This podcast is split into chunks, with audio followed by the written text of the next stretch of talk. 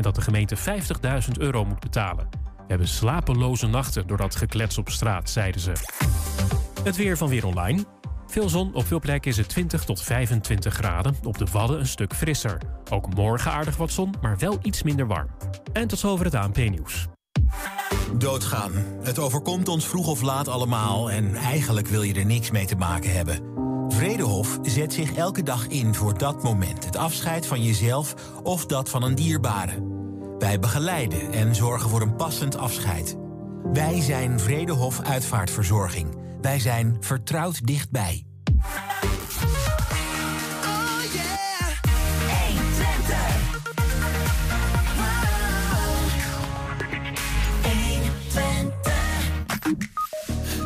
De Enschede Stichting 55 Plus is op sterven na dood. zegt de club zelf in een brief aan haar leden. Wat valt er nog eh, te bedenken aan oplossingen? Jonge, jongeren lopen nog niet stom voor de HPV-vaccinatie. Daarom heeft de GGD deze week een speciale Miss hem niet-bus ingezet om dat aantal hoger te krijgen. Naar aanleiding van het gesprek over de geweldsexplosie begin vorig jaar heeft Burgerbelangen Hengelo raadsvragen gesteld. En collega Wilco Lauwers praat ons bij over de raadsvergadering van gisteravond. Het is dinsdag 6 juni, dit is 120 vandaag. 120. 120 vandaag. De Enschedeze Stichting 55 Plus is op sterven na dood. Dat zegt de club zelf in een brief aan haar leden. Daarin wordt gesteld dat het stadsbestuur is gevraagd om structurele ondersteuning van 25.000 euro per jaar om de financiële gaten dicht te fietsen die door de coronatijd zouden zijn ontstaan. Als er niets in de omstandigheden verandert, dan gaat de stichting ervan uit dat in oktober de stekker eruit gaat. Aan de telefoon is voorzitter Cecile Verhaak. Goedemiddag. Goedemiddag. Wordt de, soep, wo- wordt de soep echt zo heet gegeten, Cecile? Zeker weten. Ja. Eh, en waarom? Omdat wij nu voorzien dat we aan het eind van het jaar een, een tekort hebben van eh 25.000 tot 30.000 euro. Mhm. En eh, we als bestuur geen onbehoorlijk bestuur willen kunnen plegen. Dus dan moeten we gewoon zeggen, het geld is op. We moeten stoppen. Hoe groot zou het probleem zijn als het stopt? Eh, groot. Ehm, er zijn, ehm, we hebben nou tussen de 6 en de 800 actieve deelnemers. Dus die zitten dan zonder activiteiten. Activiteiten als eh, talen leren, ehm, Spaans, Engels, Duits, Mhm. Frans. Ehm, geen boetseren meer, geen schilderen meer, tekenen, geen bridgeles meer, geen bridge meer, Ja. geen sporten meer, tai chi, yoga, noem maar op. Ja, ik begreep, Dus- ik begreep dat jullie zo'n zo'n 60 activiteiten per week hebben. Ja. ja, dat is onder andere wat ik net opnoem. Dat is eh, wat, ehm, wat we aan wandelingen doen, wat we aan fietstochten doen, wat we aan busreizen organiseren, dagelijkse treinen, eh, eh, daguitjes, daguitjes. Ja. Ja, Ja, dat is dus wat we allemaal organiseren. En dat voor een. ehm, we hebben altijd gestreefd naar toegankelijkheid voor iedereen. Dus dat betekent dat we het, eh, de contributie zo laag mogelijk hebben gehouden. Dat we de eh, cursusgeld, het cursusgeld zo laag mogelijk proberen te houden. Maar dusdanig dat we in de begroting ernaar uitzag dat we het zouden redden. Alleen als er corona is en je moet een gebouw huren Ja. en je moet energielasten en, en vaste lasten betalen, dan is het geld gauw op. Dan hadden we hele trouwe deelnemers, die hebben echt heel veel gedoneerd. Echter, ehm, ja, nooit zoveel dat je dat niet moet interen. Dus interen hebben we gedaan. Dat, eh, eh, eh, het kostte ons deelnemers. Eh, er zijn deelnemers overleden. nou ja, er Ja. zijn deelnemers die dachten, we stoppen ermee. Zo'n 350 leden in totaal, begreep ik. die, Ja. die gestopt zijn. Dat is nogal wat op het aantal van eh, de huidige zes, eh, 600 nog. Nee, je moet het zo zien. We hadden 2300 deelnemers. Daarvan waren er eh, zo'n 600 tot 800 actief. Ja, ja. Laten we het even op 600 houden. ja. Van die 2300 hebben we er nu nog 1750 over. Ja, precies. Maar er zijn een aantal Dat- slapende leden die wel lidmaatschap betalen, maar die ni- niet heel vaak actief zijn bij de activiteiten. Precies. Ja, ja. Die, die in feite de stichting trouw bleven en Ja. eh, nog wel graag wilden lezen wat we te vertellen hadden iedere eh, zes keer in het jaar. Ja.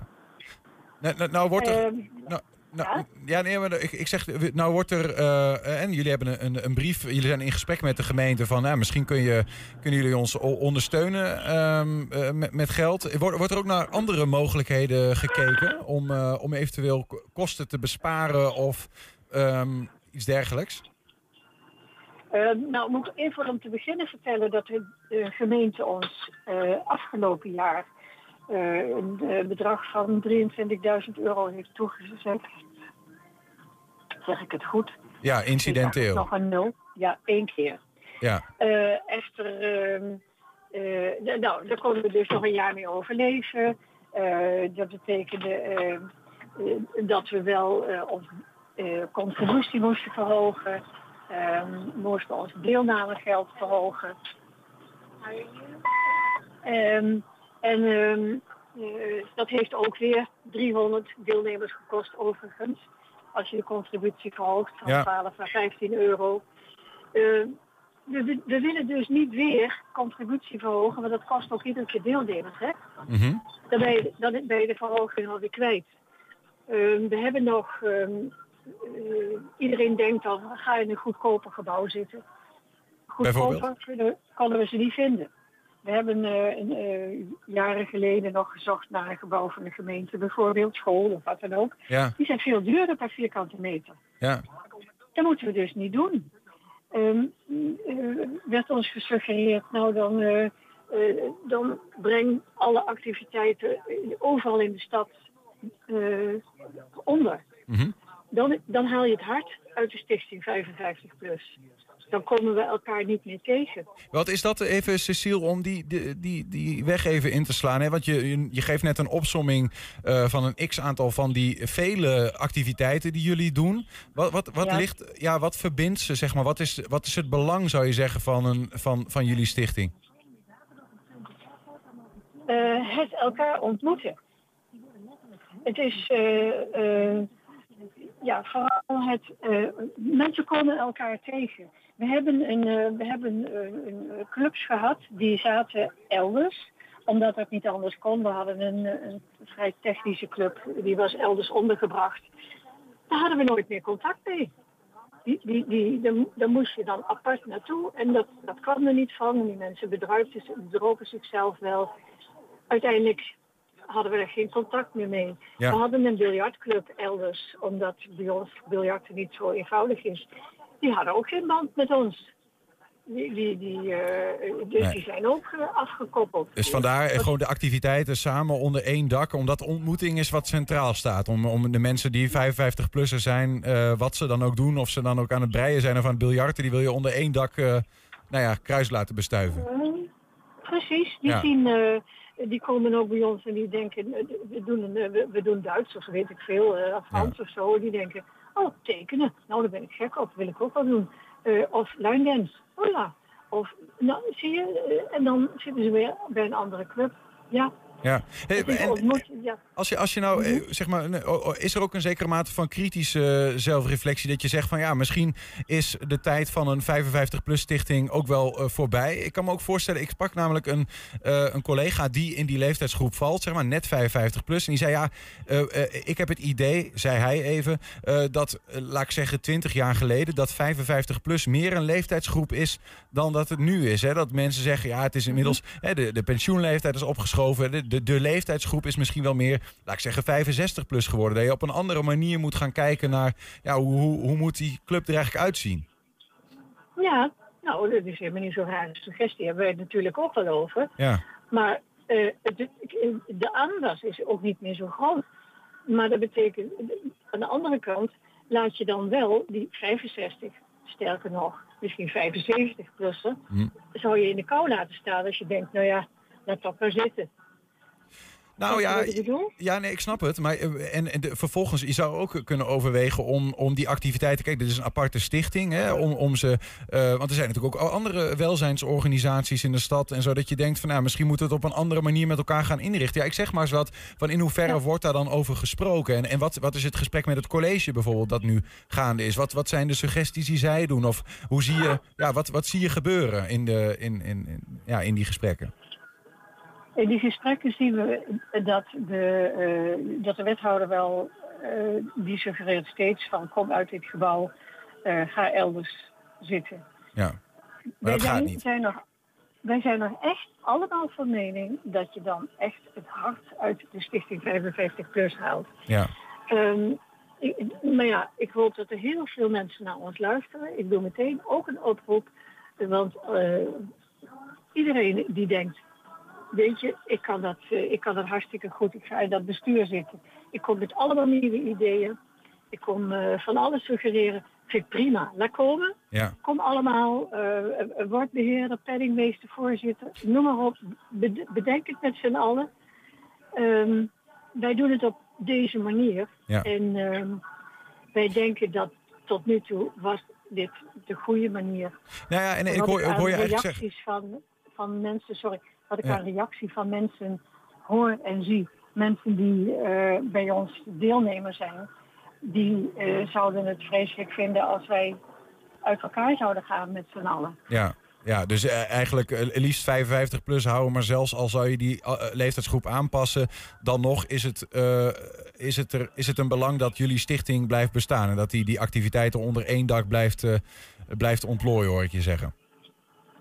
Klopt, Ja. helemaal. Eh, Weet en, je, als ik reacties krijg van mensen die zeggen van het, het was zo heerlijk, ik kom nu eindelijk weer, of ik kom nu weer de deur uit. Of ik heb een, een, een vriend gevonden eh, bij de stichting.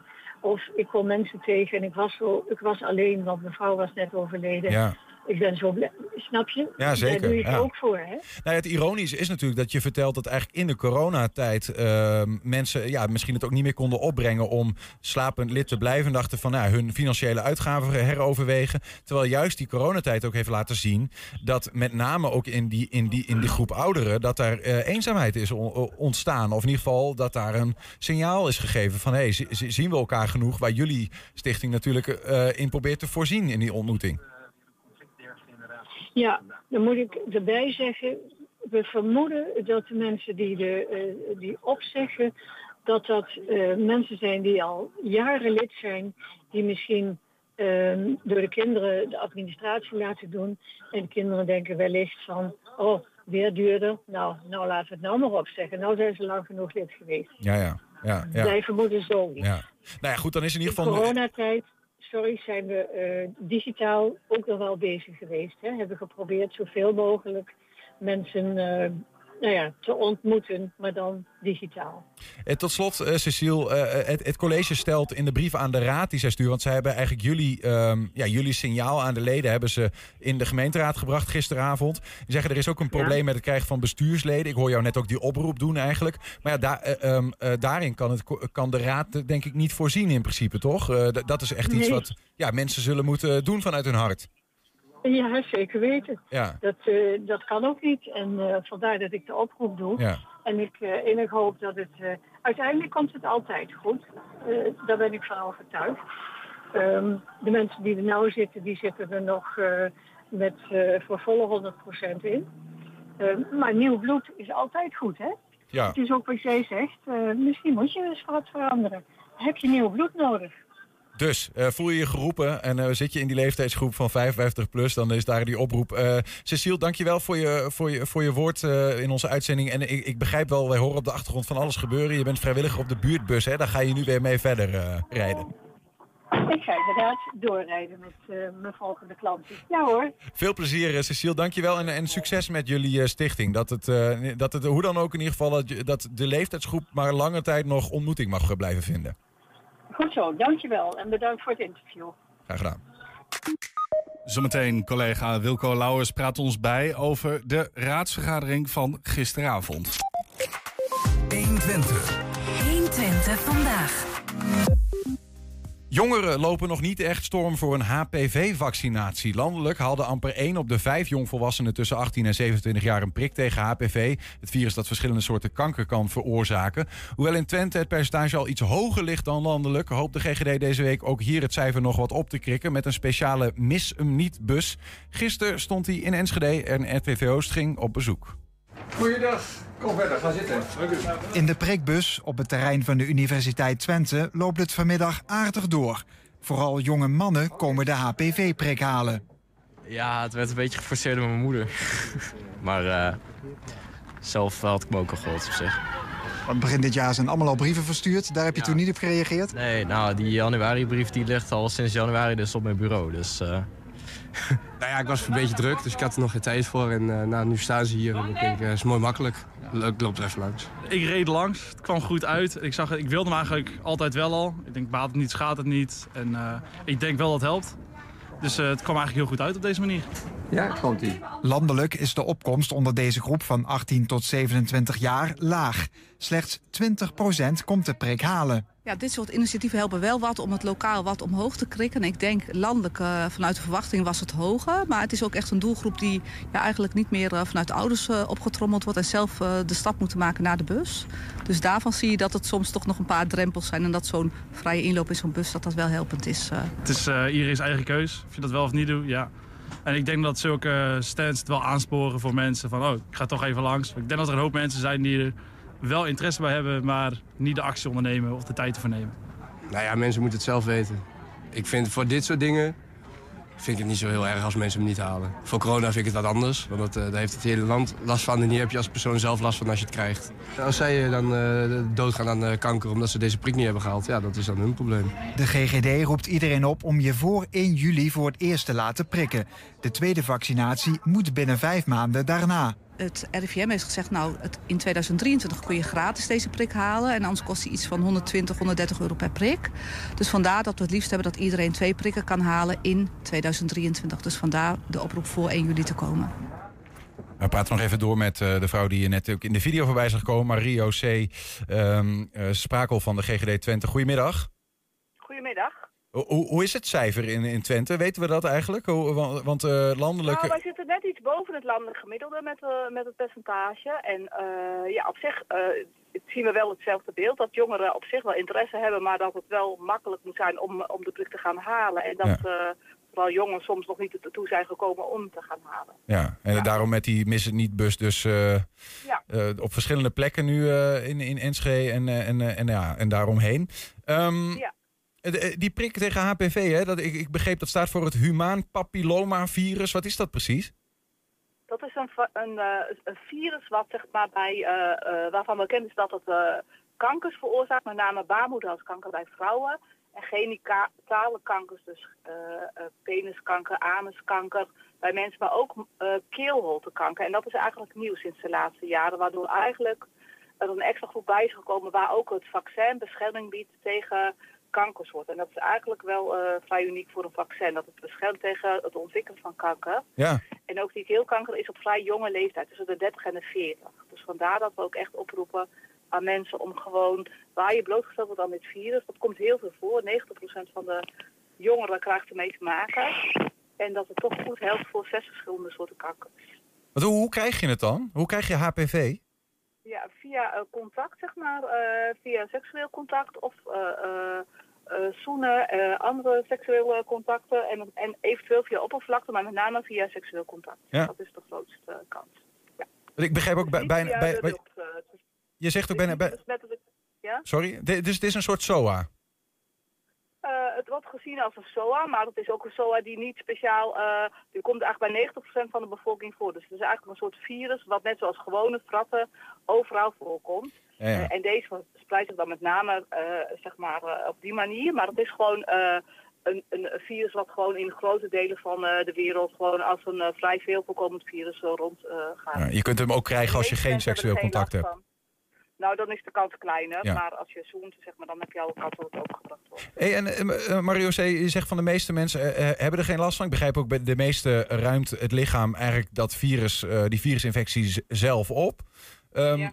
bij, wie gebeurt dat dan niet? Is dat, is dat, eh, wie ja, is dat er is extra kwetsbaar? te voorspellen. Mensen Nee. die een verminderde afweer hebben sowieso een grotere kans. Dus die chronische ziektes hebben of medicijnen gebruiken. Maar we zien eigenlijk dat jaarlijks ongeveer 1100 mensen in Nederland eh een van deze HPV-gerelateerde kankers krijgt. Dus toch best wel een grote groep. 800 vrouwen met baarmoederhalskanker en de overige 300 zijn dus mannen of vrouwen met een van de andere kankersoorten. Ja. En die keelkankers, ja, dat zijn eigenlijk de nieuwe vormen die ook met name op jonge leeftijd voorkomen.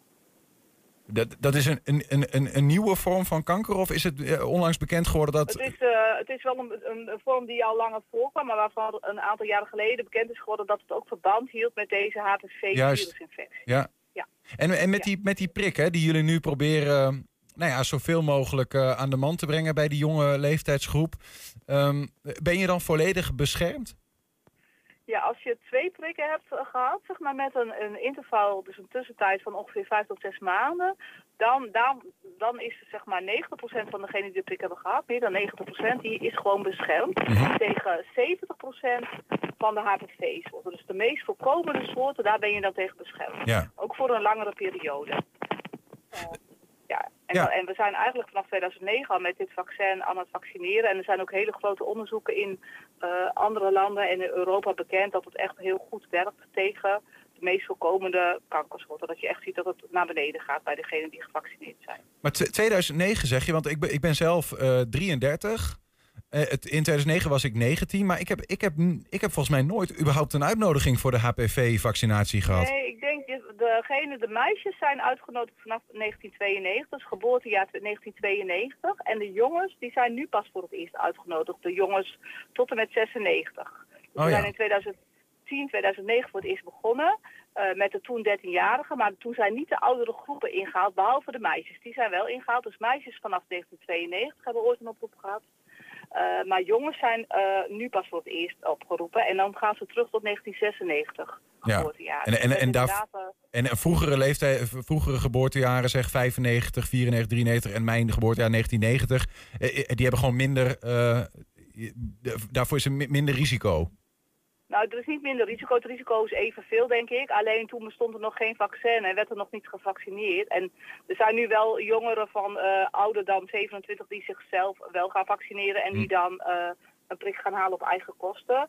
Eh, maar wat we ook zien, dat hoe later je jezelf vaccineert, hoe minder effectief het vaccin is. Omdat je dan al langere tijd blootgesteld bent aan het virus. Ja, ja. Maar Oké, het kan wel. Er zijn ook mensen van, van 28, 29, 30 die zich nog laten vaccineren. Dus als je nu gewoon eh, eh, eh, 18, tussen 18 en 27 bent en je kunt hem gratis krijgen, dan, dan ben je een beetje een geluksvogel ook wat dat betreft, hoor ik. Tenminste, Ja, dan val je nog in deze categorie. Ja, dat klopt. Ja, ja. nou ja. Eh, is dat inderdaad een, eh, ja, ze gaan wel een aantal jaren terug, maar eh, ja, dan wordt het ook minder effectief. Dus vandaar dat Ja. de gezondheidsraad, die beoordeelt eh, of het vanuit de overheid eh, ter beschikking wordt gesteld, gezegd heeft van nou, tot en met 1996 gaan we inhalen. Eh, en daarboven is het gewoon eh, vrij laat. duidelijk. Ehm, eh, waar, staat de bus de komende dagen nog? Of kunnen we dat ergens zien? Ja, even kijken. De, bu- ja, we staan. Nou ja, in ieder geval. vandaag waren we in Vroomshoop. zeg maar, en vanavond, vanmiddag vanavond, is nog in het Twentehuis. Dus tussen 4 uur vandaag en, en 8 uur vanavond kunnen mensen nog naar het Twentehuis, waar de GGD-locatie komen. Mhm. Donderdagmiddag zitten, zijn we nog op de Vesten in Hengelo tegenover de ROC. Eh, en zaterdag is nog de hele dag de mogelijkheid om in te lopen bij het Colosseum. Dat is gewoon de vaste priklocatie in Enschede. Kijk, Mario C. Sprakel, eh, arts eh, bij GGD Twente, over dus die HPV-vaccinaties die je deze week gratis kunt halen bij die bus of op bij vaste standplekken. Mario C., dankjewel. Succes met de campagne. Ja, helemaal goed. Graag gedaan. 120. 120 vandaag. Drie weken na het debakel in de gemeenteraad van Enschede kwam er gisteravond wel groen licht voor een nieuw zwembad op het Diekman. Afgelopen week zijn de tekortkomingen van het eerdere voorstel, het ontbreken van een financiële dekking en het ontbreken van recreatieve elementen, zoals dat heet, opgelost.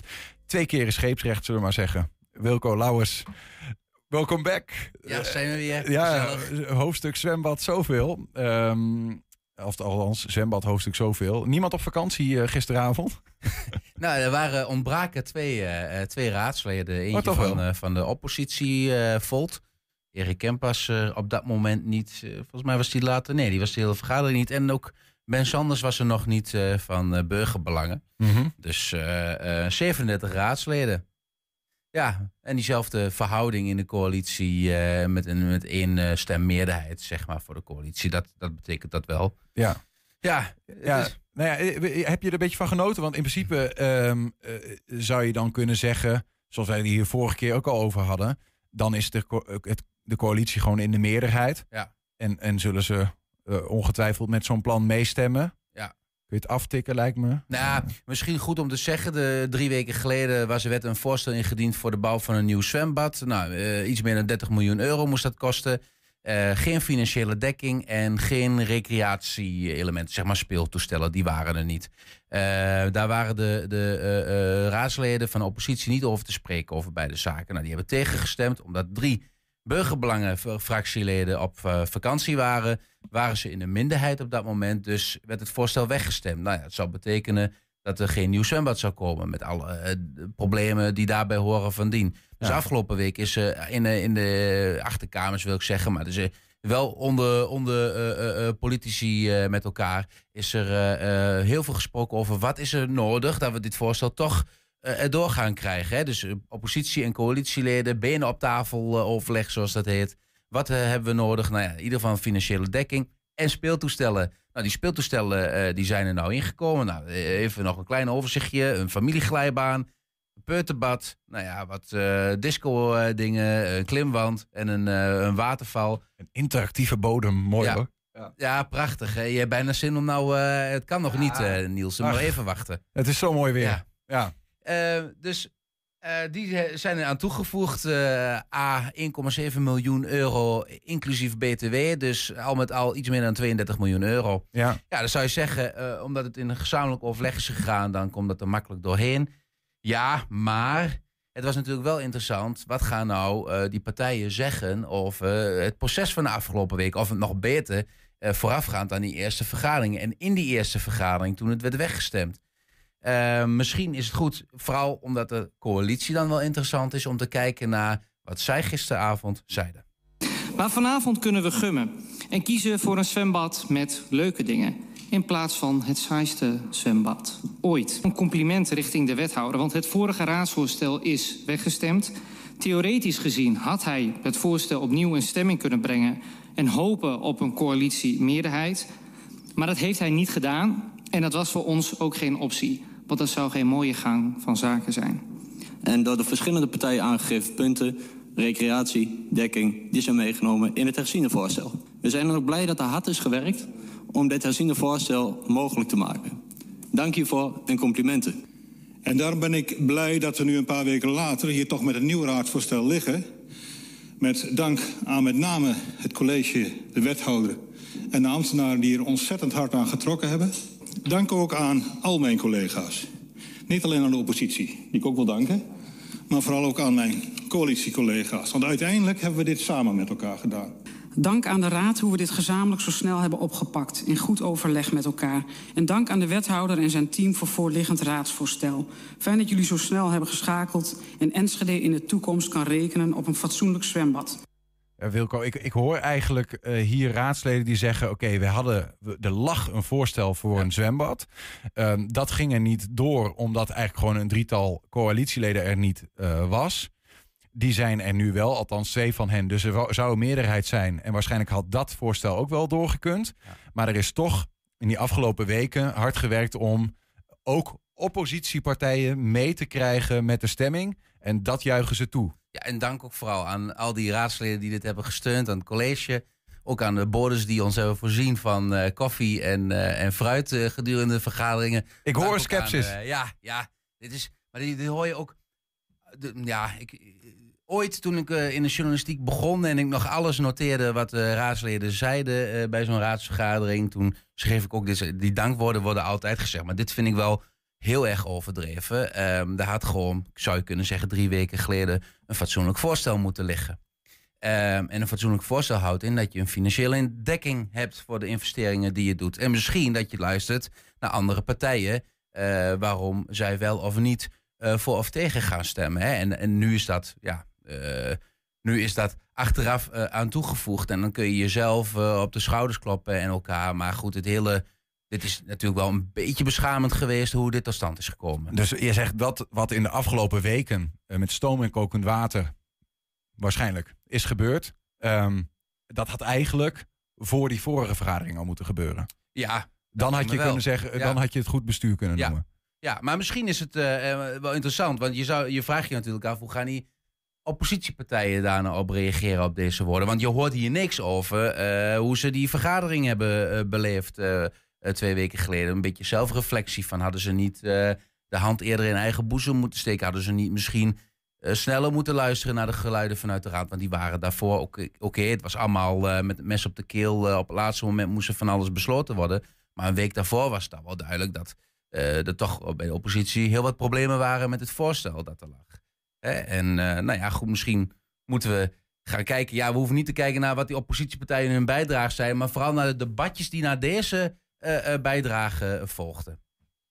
Durft meneer De Rode, notabene de coalitie, te complimenteren voor het broddelwerk wat ze twee weken geleden hebben afgeleverd?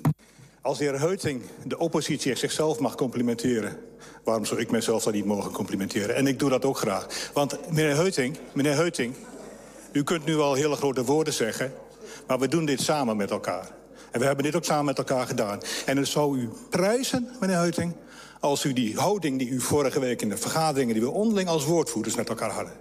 wat een goede, goede setting was met elkaar... ook eerlijk en open met elkaar gesproken hebben...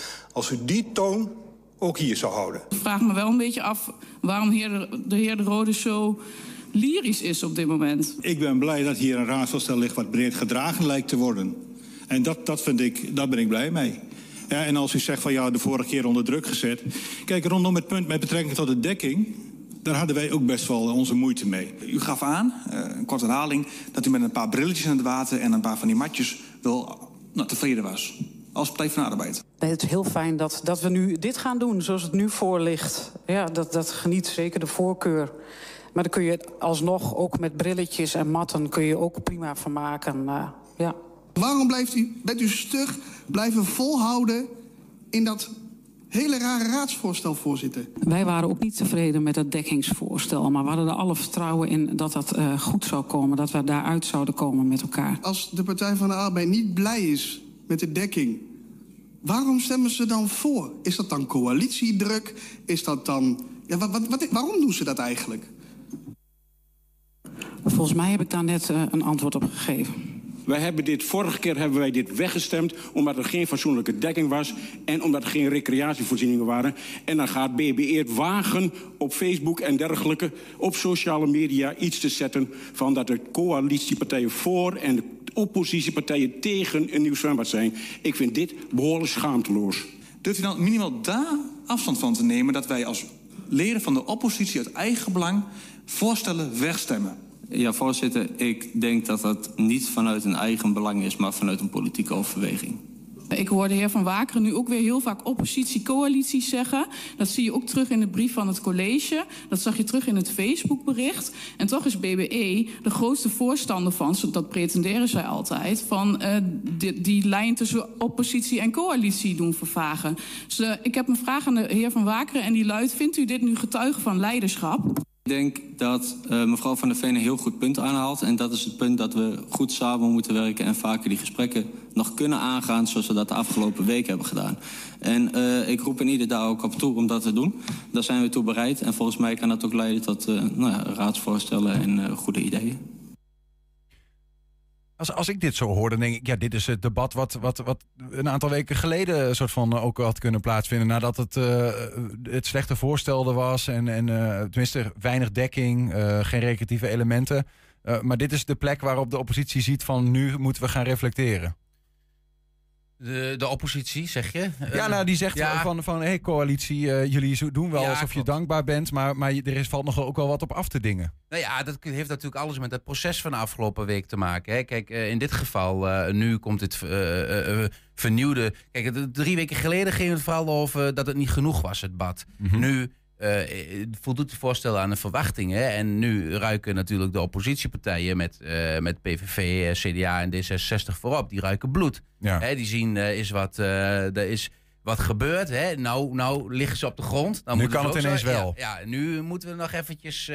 moeten we nog eventjes overheen. Even ja, zout in die wond gooien. En dat, ja, dat, dat hoort er ook bij in de politiek, denk ik. Maar ik zit wel soms met kromme tenen naar dit soort eh, eh, vergaderingen te kijken, heel eerlijk gezegd. waarom? Nou ja, omdat ik het niveau. Ik heb, ik heb in de vorige periode wel eens, eh, in de vorige raadsperiode, dus voor de vorige verkiezingen, was gezegd dat de oppositie in Enschede geen vuist kan maken tegen de coalitie. Die hadden een wat ruimere meerderheid. Er zat veel meer kwaliteit in die, in, in die, in die partijen. Mhm. En in de oppositie merkte je toch ja, heel erg verdeeld. En meer, ook met elkaar weer in discussie. Die konden geen vuist maken. Nu, uitgerekend met een minimale minderheid, hè, dus eh, het is 2019, is die oppositie misschien wel sterker dan de coalitie. In de coalitie zijn heel veel nieuwe raadsleden bijgekomen. Er zit natuurlijk al een partij bij die heeft tien zetels, waarvan een heleboel ook nieuw zijn. Ehm, ehm, ook bij andere partijen zie je eh, toch nieuwe gezichten. Ik, ik vind het, ik vind het echt wel. En, en ik bedoel dan met name op. op ehm, nou ja, eh, een paar weken geleden in een commissievergadering werden, werden er ook wat kritische vragen gesteld over die dekking bijvoorbeeld. Mhm. Ja, nee, maar de wet, wethouder eh, zegt dat het wel goed komt. Dat, daar komt het eigenlijk Ja, op neer. Maar je, ja. bent, je bent raadslid, je moet je werk doen, je moet controleren. Je moet niet ehm, kijken naar de wethouder. Oh, de wethouder zegt dat het goed is. Ja. Nee, dan, eh, dan zal het wel. Ja, en dan achteraf zeggen, ja, eigenlijk vonden wij ook niet zo'n heel goed plan. Maar ja, Daarmee heb je het over wat Hidde Heutink, eh, de PvdA-raadslid Rienke Hofman bijvoorbeeld. Belstra eh, verwijt. Ja, en ik, ja, ik vind dat niet zo heel sterk, eerlijk gezegd. Hè. Als, je, als, jij, als jij echt vindt hè, dat, dat het voorstel, eh, dat daar gebreken in zitten, dan moet je gewoon tegenstemmen. Maar ja, dan kom je weer. Wie gaat nou eh, zijn eigen eh, college aanvallen? Ja. Ja, nou, Nou ja, dat is toch ook een beetje, eh, is toch? ook een beetje hoe, hoe, hoe het werkt dat je, dat je zegt van nou oké, wij vinden als PvdA misschien niet helemaal oké, maar wij stemmen nu met jullie mee, omdat het maar gedaan moet zijn en dan krijgen wij daar weer iets voor terug. Dat is toch ook een beetje hoe het in de politiek eh, zou werken. Ja, dat is, dat is de oude, oude politiek. Hè? Die, die al jaren overal eh, gaande is. Ik wil, niet, wil Enschede nog niet met Den Haag vergelijken. Bij lange na niet. Want dan was dit voorstel gewoon nog een keer in stemming gebracht. En eh, wel als eh, de mensen terug zijn van vakantie. En hè, zoals eh Malki Jayan van de VVD aangaf. Dat zou een beetje de, de Haagse werkwijze zijn, denk ik. Ja. Ehm, dat doen ze dan nog niet. Hè? Dat, is, dat, dat is dan nog wel goed, zou je zeggen. Maar het is een beetje mosterd na de maaltijd. Hè? Als het kalf verdronken is, dan ga je praten van... ja, misschien moeten we het anders doen. En juist met deze minimale meerderheid... zou je helemaal voorafgaand aan alles... misschien beter moeten peilen. Ehm, en dat heeft Barry Overing bijvoorbeeld van Burgerbelang ook wel laatst toegegeven. Ja, ehm, dat het eigenlijk niet duidelijk was wat die recreatieve elementen dan precies inhielden. Ja, maar dat, dat zijn dingen die had je veel eerder in het proces eh, misschien met elkaar eh, moeten bespreken. Wat is er dan voor nodig? En eh, misschien komt het ook wel omdat Barry Overing de, de vorige keer niet was. Was zelf op vakantie, fractieleider Burgerbelangen. En de fractieleider van VVD, Malke Jajan, ontbrak ook. Was wel bij de vergadering, de raadsvergadering drie weken geleden, maar niet bij voorafgaande commissievergadering. Ehm, hij heeft wel in de raadsvergadering geprobeerd om nog een meerderheid te vinden voor een motie dat er toch iets met recreatieve elementen werd gedaan. Maar dat is veel te laat. Misschien heeft het daar ook wel mee te maken. Dat, maar dan zie je wel dat als bepaalde mensen er misschien niet zijn, dat, dat het dus helemaal misloopt. Maar goed, eh, eh, kort ge- samengevat eh, hoor ik jou eigenlijk zeggen van ja, eh, ehm, juist, juist nu met al- als het Enschede College of de coalitie een, een, een, eigenlijk een krappe min, meerderheid heeft. en wat ook beloofd is met de formatie is van we moeten het meer als raad samen doen. Zou je minder het systeem moeten hebben waarin coalitieleden hun eigen college steunen door dik en dun. Alleen maar omdat het het eigen college is, maar meer moeten kijken van hoe vinden we nou met elkaar, met z'n allen, waar vinden we nou ja, de gemene deler. Ja, in dit geval is er echt klassiek coalitie-oppositie eh, gedacht. Hè? En eh, ze hebben gegokt en verloren, zou je kunnen zeggen. Nou, uiteindelijk komt het dan nog in blessuretijd goed. Maar ehm het verdient niet de schoonheidsprijs. En, en, en als eh, oppositie nou voet bij stuk had gehouden... wat denk ik ook niet in het belang van de stad is, hoor. Laten we eerlijk zijn. Ehm, maar ja, dan was er dus geen bad geweest. Ja. En dan hadden ze het kunnen vergeten.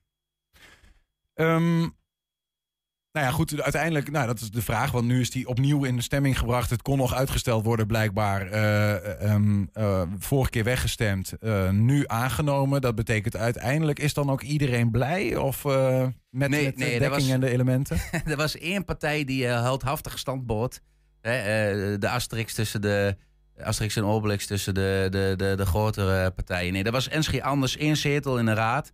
En eh, nou ja, goed, dat was de enige partij die eh, blijft tegenstemmen. En eh Herman Brouwer, de fractievertegenwoordiger, raadslid, die legt uit waarom.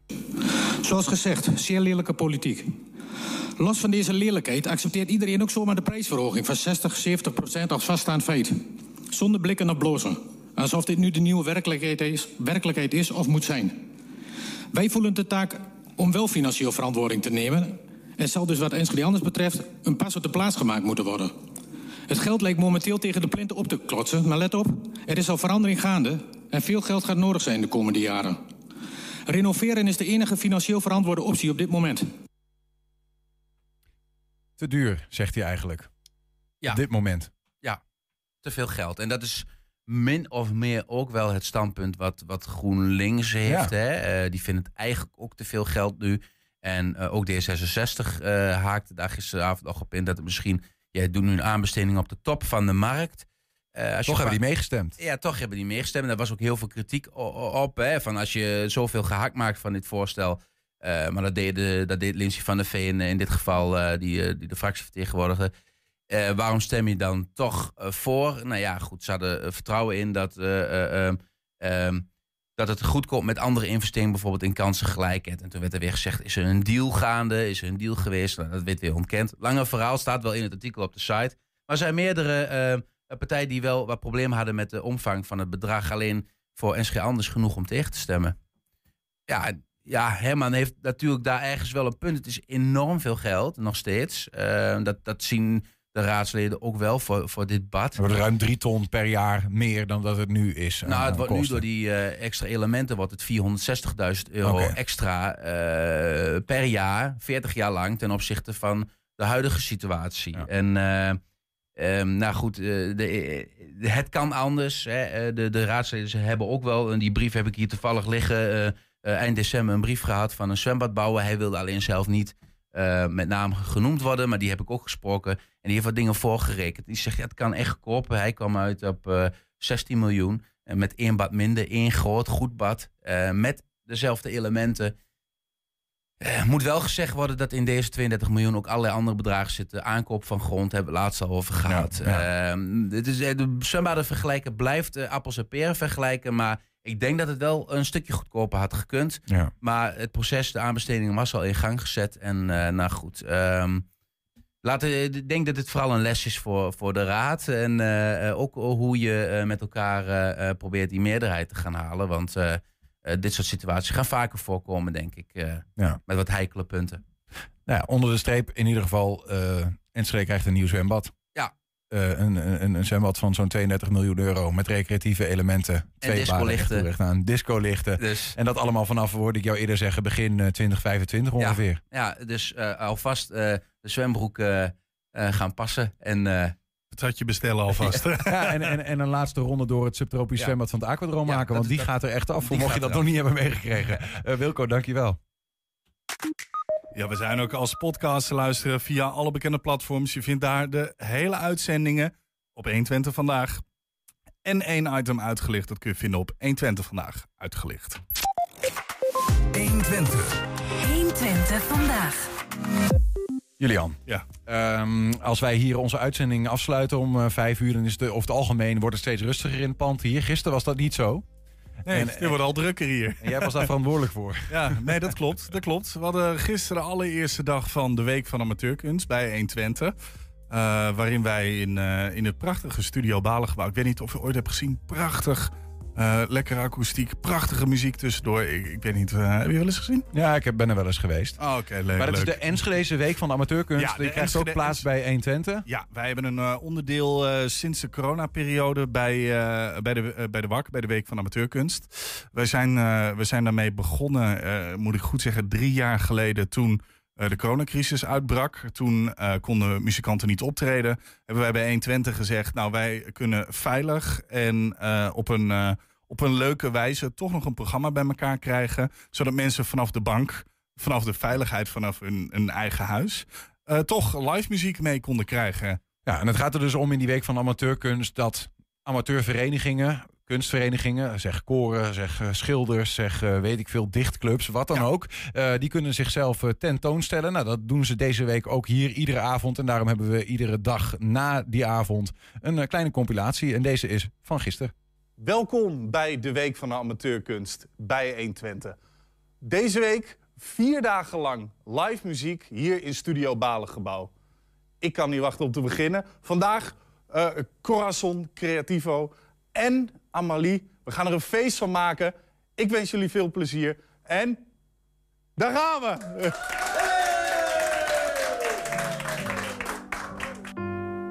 Mijn tenen willen rennen, naar mijn eigen zon toe gaan. Mijn kaken staan op lachen, zodat jij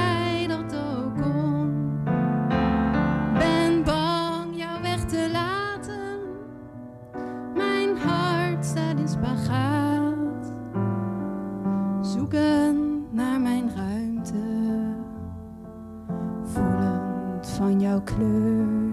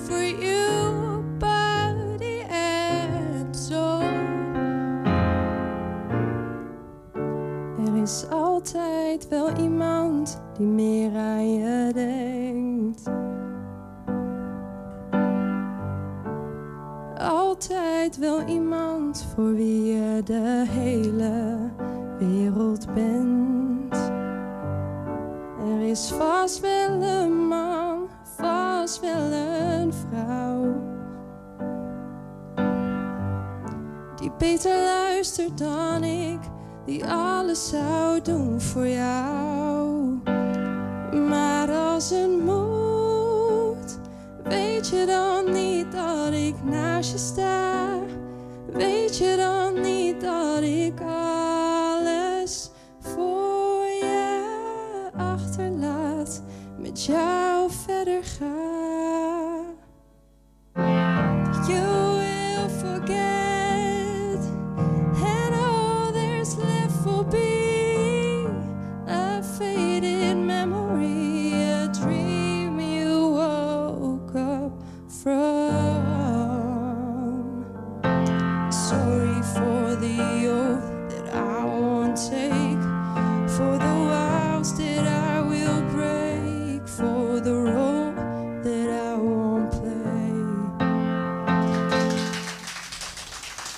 Ja, dit was dus eh, gisteren. Vandaag weer een bommetje volle show. Hoe laat? Mensen, eh, mensen kunnen om, eh, om 7 uur aanhaken. Dan hebben we van 7 tot 8 Capelle Junior, een kinderkoor die live bij ons gaan zingen. We hebben het Twents Mandoline en Gitaarorkest. Die hebben twee stukjes opname. En er komt iemand ook nog vertellen over wat het nou eigenlijk is. En we sluiten af met Mina Markovic. Dat is een eh 11-jarig eh, meisje die zichzelf op de piano gaat begeleiden. Waar kunnen we dat zien? 120.nl, gewoon de homepage op de Twente-pagina in de gaten houden. En eh, kun je dat niet vinden? Kijk dan op YouTube 120 Enschede. 120. 120 vandaag. Gisteren gaf officier van justitie Carlo Dronkers bij ons zijn kijken op de heftige geweldsexplosie begin vorig jaar in Hengelo. Nadat afgelopen vrijdag het nieuws over een criminele jeugdgroep die daarachter zit eh, naar buiten was gekomen. De grootste politieke partij van Hengelo, Burgerbelangen, heeft vandaag raadsvragen gesteld aan het college van burgemeester en wethouders over het onderwerp. Aan de telefoon nu de woordvoerder van die eh, partij, of namens die partij, raadslid Jeffrey Scholten. Jeffrey, goedemiddag. Goedemiddag. Misschien is het goed om nog heel kort even de situatie te schetsen. Ruim anderhalf jaar geleden speelde die nou ja, geweldsexplosie. Wat, wat gebeurde er in Hengelo? Ja, dat, eh, het begon ook al een beetje op de F35 volgens mij. Hè, dat, eh, daar eh, er waren verschillende mensen aangevallen door een groep jongeren. En even later ook in Hengelo zelf, waar een jongere gewoon bewusteloos is geslagen en geschopt op een, op een schoolplein. Een man die gewoon willekeurig is aangevallen door een groep met jongeren, do- met, jongeren die bijna, ja, bijna dood is geschopt en geslagen. En allemaal voor, voor hun eigen plezier. Ja, het is, heel extreem natuurlijk. Hè? Eh, eh, poging doodslag zijn, eh, is zelfs een veroordeling geweest. En dat zegt al iets over Ja. de, de ernst van de situatie. Ehm, en en toch, toch is het zo dat dit soort dingen ehm, nou, helaas vaker gebeurt. Wat, wat is, er, is er iets opvallends aan deze zaak wat jou betreft? Ja, ja wat, wat ik zorgelijk vind. ik zie dit meer, meer gebeuren in grote steden in het westen. Hè? Den Haag, eh, Amsterdam, waar je vooral veel eh, ja, geweld ziet onder jongeren. Maar niet in ons rustige Twente en Hengelo. Dus ik ben wel geschrokken van, eh, van het, vooral het gewe- zinloze geweld die wordt gebruikt. Ja. Ja, en vooral onder de jongeren. Want je ziet gewoon dat het geweld wordt erger. En ja, de jongeren worden ook jongeren die het geweld toepassen. En daar schrik ik wel van. De, de officier van justitie zei hier gisteren: ja, voor mij is het ehm, niet nieuw dat het onder jongeren gebeurt. Eh, maar hij zei: het is wel opvallend ook dat het jongeren zijn. Dat het in dit geval gaat om jongeren die. eh, nou, niet per se uit gezinnen komen waar je dat normaal ziet. Dus gezinnen waar, die eigenlijk een opvoeding hebben gehad waar, waar niet, nou ja, ogenschijnlijk geen, geen eh, scheurtjes in zitten. En toch manifesteren ze zich op deze manier. Ja, ja dat, eh, ouders geven hun normen en waarden mee aan hun kinderen. Dat doe ik ook als, als vader. Maar je weet nooit met wie ze omgaan. En eh, kinderen zijn heel beïnvloedbaar. Ja. En eh, ja, dat is ook zorgelijk. Hè? Social media speelt een grote rol. Eh, en, en vrienden. En als ouder ja, moet je daar ook wel grip op krijgen. Ja. En dat gaf Carlo Dronkers ook al aan. Van ga eens met je kind in gesprek. En weet wat ze doen en wat er speelt. En ja, dat gebeurt volgens mij ook nog te weinig. Ja, nou, hij, hij gaf inderdaad, hij zei ook van, eh, van het, het heeft te maken met een eh, groepsdruk die er eh, vroeger ook wel was, maar die nu wordt vastgelegd op internet. Hè. Iemand zegt iets tegen een ander en moet daar dus ook op terugkomen, omdat dat nou eenmaal vaststaat. En dan wordt die druk natuurlijk nog, nog groter. Maar goed, eh, ehm, voordat we, want het is misschien wel interessant om daar eh, verder op in te gaan, hoe dat zit dan met, nou ja, met, met die opvoeding eigenlijk, of we daarnaar moeten kijken. Wat, wat is de aanleiding geweest dat jij dacht van, ik wil hier als gemeenteraadslid aan het Hengeloze College nog vragen over stellen? Ja, ik heb het gevoel dat het een beetje uit de lucht kwam vallen. En zo eh, werd het eh, omschreven in, de in de media. En ik ben vooral benieuwd van, ja, maar was dit al niet, was deze groep al niet eerder in beeld? En zijn deze signalen niet eerder binnengekomen dat er zulke zware eh, misdrijven worden gepleegd door jeugdigen? Mhm. En ik ben ook vooral benieuwd van, ja, hoe kunnen we dit in de toekomst voorkomen? Dat jongeren op het verkeerde pad eh, belanden en eh, misschien in de zware criminaliteit eh, rollen. Dus daarom heb ik ook eh, vragen gesteld aan het college van, nou, hoe, hoe is dit ontstaan? Wat is de achtergrond hiervan en eh, de oorzaken daarvan? En vooral, hoe kunnen we dit voorkomen in de toekomst? Eh, Heb je het idee dat eh, ook de autoriteiten, politie en in, die, in die lijn officier van justitie, burgemeester, dat die wat overvallen zijn door, door het geweld? ik- waar ze het hadden moeten ja. zien aankomen misschien wel. Nou, ik denk niet dat je dit had zien, kunnen zien aankomen. Ik geloof ook echt wel dat ze verrast zijn door, door, eh, door dit geweld. En eh, nu is het belangrijk van hoe voorkomen we dit in de toekomst? Want wat ik net al zei, ja, dit, dit soort incidenten zie je vooral in grote steden en in het westen en niet hier in Hengelo. Eh, Is er zitten, want ik, eh, zit er een persoonlijke reden voor jou achter je? Volgens mij is het geen geheim, jij hebt zelf ook, ook kinderen. Ehm, dat, je, dat, je, dat je zegt van, joh, dit, dit gaat ook om mijn kinderen uiteindelijk, bijvoorbeeld? Ja, je, kent die filmpjes eh, wel waarin, eh, ja, waarin de jongeren eh, in elkaar worden geslagen. En soms zie ik die ook voorbij komen en dan schrik ik me altijd eh, rot. Ik denk, het zal je kind maar zijn die daar eh, in elkaar geslagen wordt. Ja. Maar het zou ook je kind kunnen zijn die het geweld pleegt. En eh, ja, da- daar maak ik me wel zorgen over. En ik probeer mijn kinderen nu al mee te geven dat geweld niet de oplossing is. En dat ze ja, niet in die groepsdruk mee moeten gaan. Ja, daar, ja, dat vind ik wel zorgelijk. Wist, kende Ja. jij, want dat ben ik wel benieuwd naar, kende jij ehm, die, die dynamiek die eh, de officier van justitie hier gisteren ook uitlegde, dat dus groepsdruk die er al vroeger ook wel was, dat die nu wordt vastgelegd op internet, op sociale media, doordat mensen uitspraken doen waar ze zich aan, geha- aan gehouden voelen. Dus dat, dat daardoor dat geweld nog een extra zetje krijgt. Kende jij die dynamiek? Want daar die moet je wel kennen als ouder voordat je daarmee ja, ook in gesprek kunt gaan met je kinderen, lijkt mij. Ja, natuurlijk. Eh, wat, wat ze ook wel eens zeggen, hè, eh, de, de daders worden vaak een volgende slachtoffer. Want eh, degene die nu geweld pleegt, dat wordt allemaal opgenomen. En de volgende keer wil het slachtoffer wraak nemen of anderen op die dader die dat die vorige keer het geweld heeft gepleegd. Ja. Dus het wordt alleen maar erger. Er is, er is ook sprake van veel wraak, Ja. volgens mij. En er moet allemaal gefilmd worden. Er moet bewijzen van, nou, ik pak hem wel terug. Of iemand heeft een hele grote mond eh, tegen mij op internet. Hè. Dat werkt tegenwoordig allemaal laagdrempelig. Op Facebook en Snapchat. eh dan kunnen de jongeren elkaar allemaal makkelijk uitdagen. ja, tot ze elkaar eh, tegenkomen in het echte leven. Ja. Ja, dan, dan gaat het mis. Overigens is dat in dit geval, wat ik ervan begrepen heb, ehm, is het echt. Nou ja, het is altijd zinloos, maar nog zinlozer. Hè? Niet per se altijd wraak, maar gewoon een, een soort van, nou ja, bijna spontane geweldsactie. Ja, dat is nog zorgelijker. Ja. Kijk, eh, dat je, ja, vroeger eh, werd er ook gevochten, had je ook een ruzie. En eh dan gebeurde dat soort dingen ook. Maar gewoon nu iemand willekeurig aanvallen die, ja, die over straat loopt. Ja, dat is verschrikkelijk. Wat, wat, Jeffrey, wat kan, het, wat kan de gemeente? Want dat is uiteindelijk, je stelt vragen aan, het- aan het college. Wat, wat, wat is de positie van een college in zo'n verhaal? Wat kan die ermee? Ja, samenwerking met, eh, met politie eh, is daarin natuurlijk ook belangrijk, maar ook met, eh, met scholen, met ouders en hulpverleningsinstanties. En ja, daarom heb ik ook vragen gesteld. Van wat kunnen we hier aan doen? Kunnen we dit soort signalen al opvangen op scholen? Kunnen we kinderen ja, hierbij betrekken en informeren van wat, wat de gevolgen zijn als je dit soort geweld gebruikt?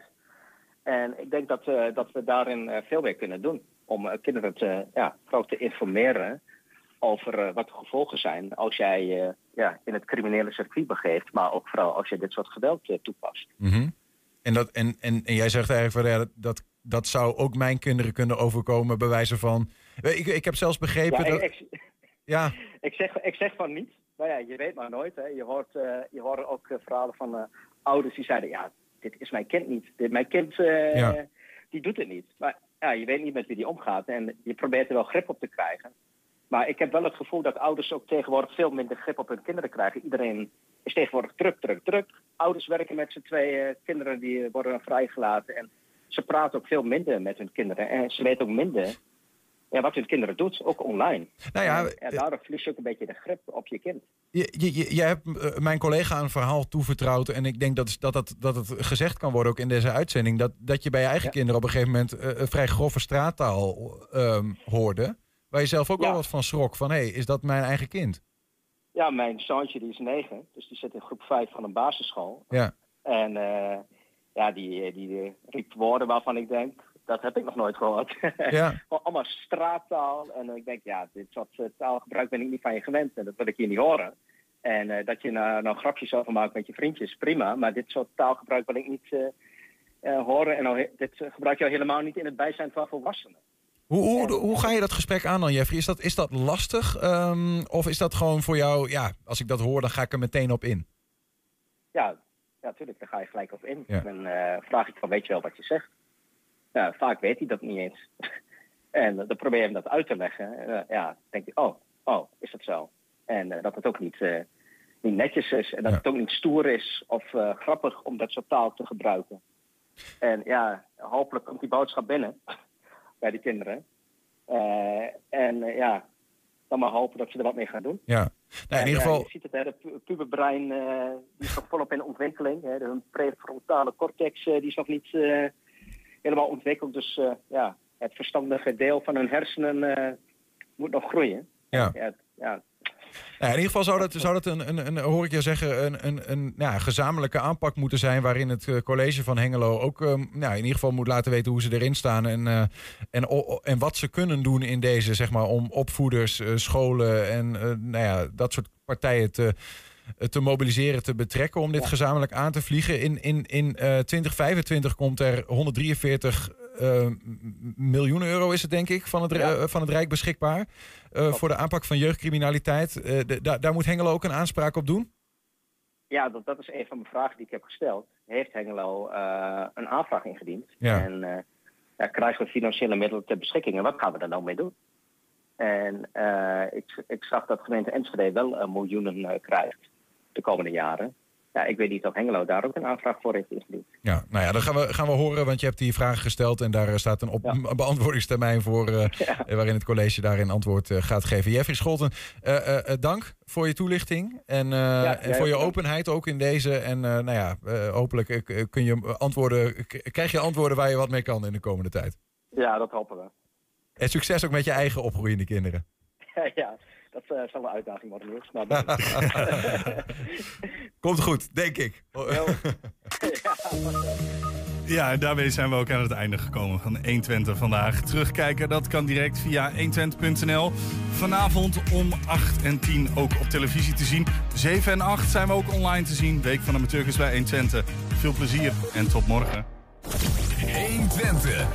Weet wat er speelt in Twente. Met nu het nieuws van 5 uur. Goedemiddag, ik ben Michiel Frazenstorm. In de Tweede Kamer staat het debat over de Groningse aardgaswinning op het punt van beginnen. Volgens de enquêtecommissie die er onderzoek naar deed, vond de overheid geld verdienen belangrijker dan de veiligheid van de Groningers.